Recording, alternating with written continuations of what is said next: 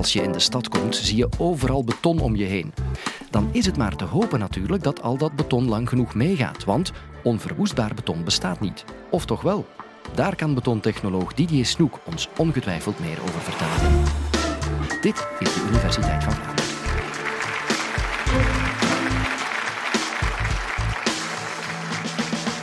Ik ga het vandaag hebben over het meest verbruikte materiaal ter wereld na water, namelijk beton. En als ik jullie zou vragen wat jullie van beton vinden, dan antwoorden jullie allemaal grijs, misschien zelfs saai. Maar ik wil met deze presentatie en ook als bouwkundige ingenieur jullie overtuigen dat het materiaal eigenlijk magisch is en zelf heel veelzijdig. Nu, als we eens rondlopen, dan vinden we overal beton. Alle bouwwerken bestaan uit beton, dus alle hoge torens, bruggen en tunnels. En zelfs de Romeinen hebben al een type beton gebruikt in hun aquaducten, in hun bruggen en zelfs in grotere structuren zoals het Colosseum en het Pantheon. Maar na de val van het Romeinse Rijk kwam de kennis voor het gebruik van dit materiaal in de vergetelheid en werd pas eeuwen later opnieuw herontdekt, namelijk een goede 200-tal jaar geleden in het Verenigd Koninkrijk. Maar nu wordt er geen vulkanisch cement meer gebruikt, maar wel het cement zoals we het vandaag de dag kennen. En sindsdien werd dat materiaal meer en beter onderzocht. Maar wat is nu eigenlijk beton? Wel, beton bestaat uit keien, zand, cement en water. En in de juiste hoeveelheden krijgen we beton. Nu, de holtes tussen de keien worden opgevuld met het zand en is het cement en water dat eigenlijk alles samen gaat binden, alles samen gaat lijmen. En als we alles dan mooi gaan mengen, dan krijgen we eigenlijk een vloeibare grijze massa. Gieten we dat in een vorm, dan krijgen we bijvoorbeeld deze grijze kubus. Nu, deze kubus kan makkelijk 50 auto's dragen zonder te breken. Dus dat is helemaal niet slecht voor zo'n materiaal, is het niet. Nu, beton is heel sterk. Het is ook heel erg makkelijk toepasbaar, maar het heeft één groot nadeel. Het kan heel erg goed drukkrachten opnemen, maar als we daaraan zouden gaan trekken, bijvoorbeeld alsof we een elastiekje zouden gaan trekken, dan gaat het gaan scheuren. Vandaar ook dat we daar heel veel staal in steken, want anders zou de structuur gaan instorten. Iets wat we natuurlijk niet willen hebben. Nu, als het beton scheurt, gaat het eigenlijk van kwaad naar erger. Schadelijke stoffen treden de scheur in. Het beton wordt van binnenuit aangetast, de wapening begint te corroderen en dat is natuurlijk iets wat we helemaal niet willen hebben, dus we moeten het eigenlijk gaan herstellen, anders is het veel te laat. Nu, jullie herinneren jullie misschien wel dat de Ponte Morandi in Genua, Italië, is ingestort. Wel, wegens door slecht onderhoud en omdat een deel van de constructie eigenlijk aangetast was met enkele doden tot gevolg, wat natuurlijk ook niet zo goed was.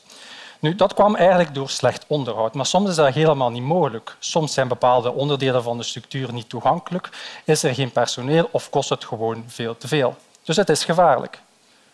En nu zie ik jullie sommigen al kijken, wat nu met de tunnels in Brussel?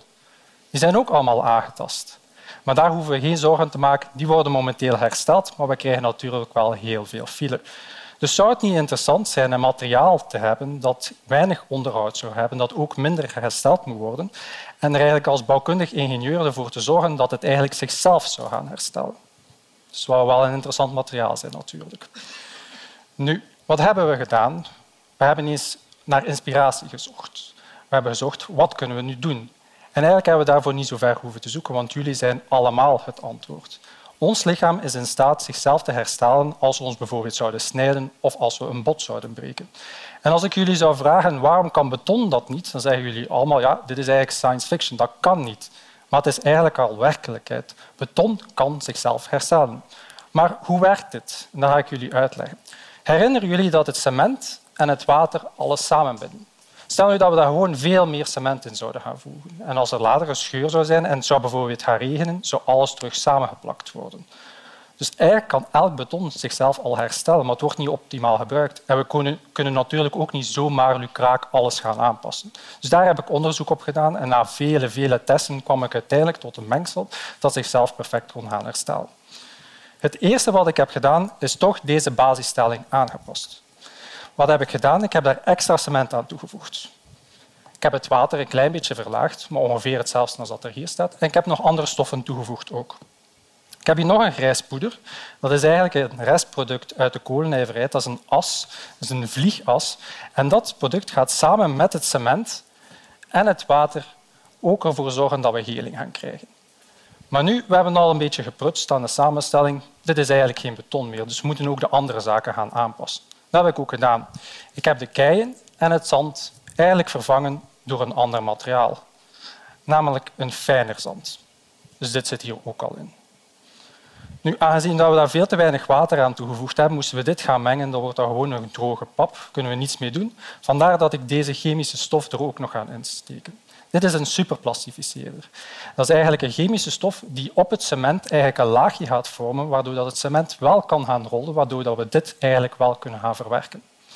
En dan heb ik nog twee andere stoffen toegevoegd, maar die ga ik jullie straks uitleggen waarom dat we dat doen. Dus we hebben alle bouwstoffen. En nu moeten we nog andere zaken gaan doen.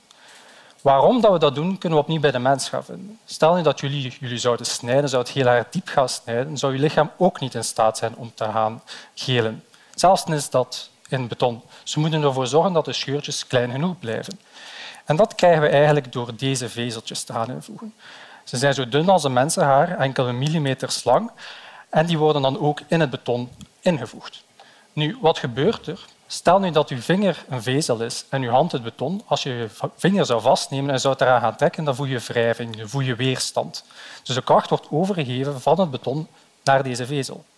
Stel nu dat we een scheur hebben en daar zitten die vezeltjes ook. Wat gebeurt er? De kracht wordt overgedragen van de ene kant door de vezels naar de andere kant. Dus de beton denkt dat het eigenlijk niet gescheurd is. Dus het wil ergens anders gaan scheuren. Maar daar zitten opnieuw al die vezeltjes klaar. Dus het gaat opnieuw tegengehouden worden en de scheur gaat ergens anders gaan optreden. Dus in plaats van één grote scheur krijg je heel erg veel kleine scheurtjes. Dus samen met deze bouwstoffen kunnen die kleine scheurtjes ook al gaan dichtgaan. Ik heb hier nog iets anders meegebracht, gewoon om u te tonen wat het effect is van deze vezeltjes. Dus ik heb een proefstukje zonder vezels, ik heb een proefstukje met vezels. En ik heb hier ook een bankvijs. Dus wat ik kan doen is dit proefje stukje zonder vezels kan ik hierin gaan steken en kan dat gewoon zachtjes gaan belasten. Nu, wat gebeurt er? Ik moet er niet veel kracht op zetten. Het breekt. En dit kunnen we niet meer gaan helen. Beton is kapot. Want nu kunnen we eigenlijk hetzelfde materiaal bestuderen, maar met die vezels. Dus ik ga dat hier opnieuw insteken.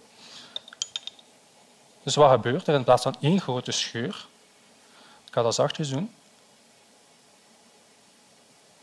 Dus jullie kunnen zien dat we eigenlijk een soort van buigbaar beton krijgen. Dus in de plaats van één grote scheur krijgen we nu heel erg veel kleine scheurtjes. Ik heb hier ook nog een ouder poester bij, iets ouder, daar kun je de scheurtjes iets beter zien. Dus in plaats van één grote scheur die we niet kunnen gaan helen, krijgen we nu vele kleine scheurtjes die wel dicht kunnen gaan.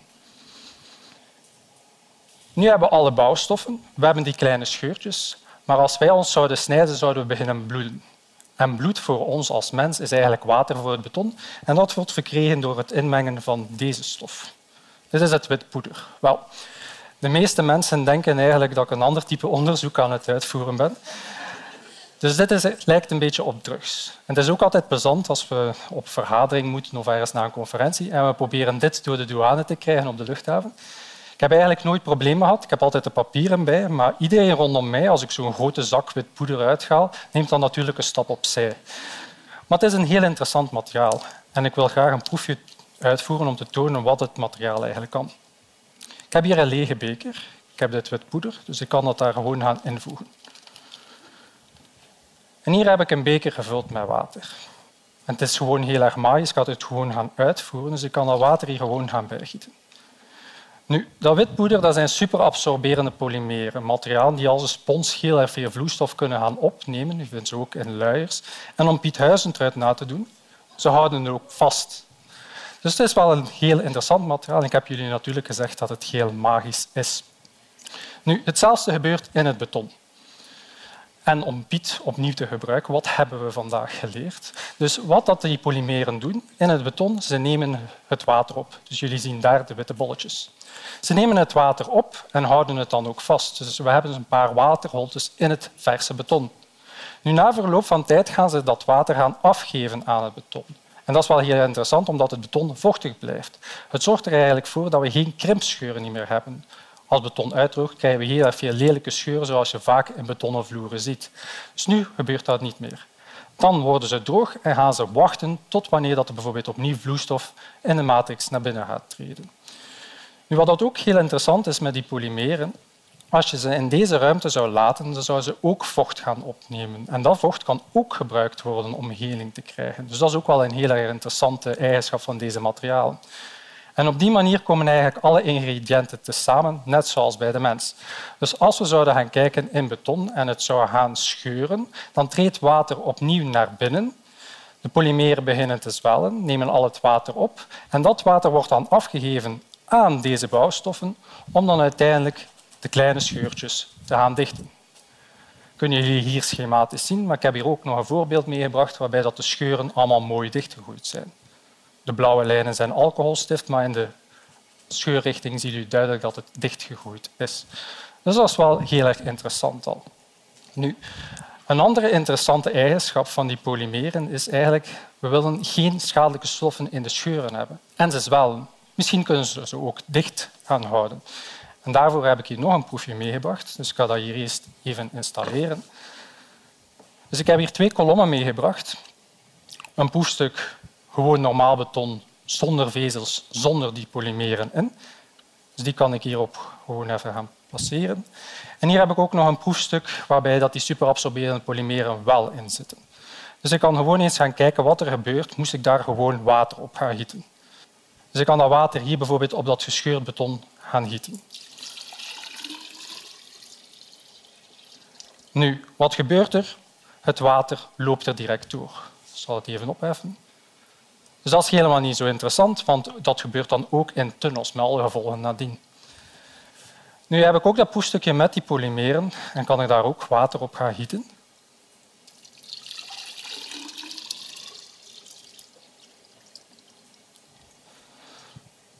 Zo, wat gebeurt er? Niet zoveel. De polymeren houden alle stromingen tegen en dat is al heel interessant, omdat dat al een mooie stap in de juiste richting is.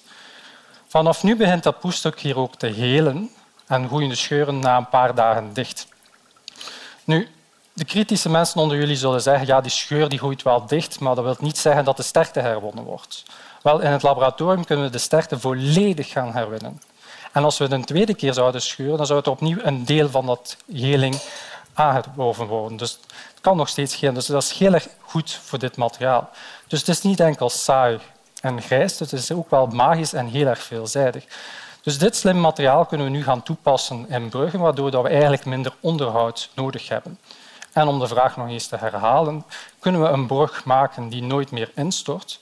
Nooit eigenlijk niet. Kan altijd wel iets gebeuren. Maar nu met het type beton zijn we veilig aan het spelen, kan het zichzelf gaan herstellen, is de levensduur veel langer en voelen we ons natuurlijk ook een stuk veiliger.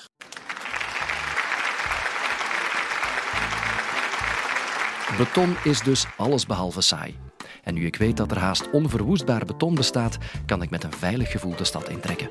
En gelukkig kan je tegelijkertijd ook luisteren naar de volgende podcast. Veel plezier.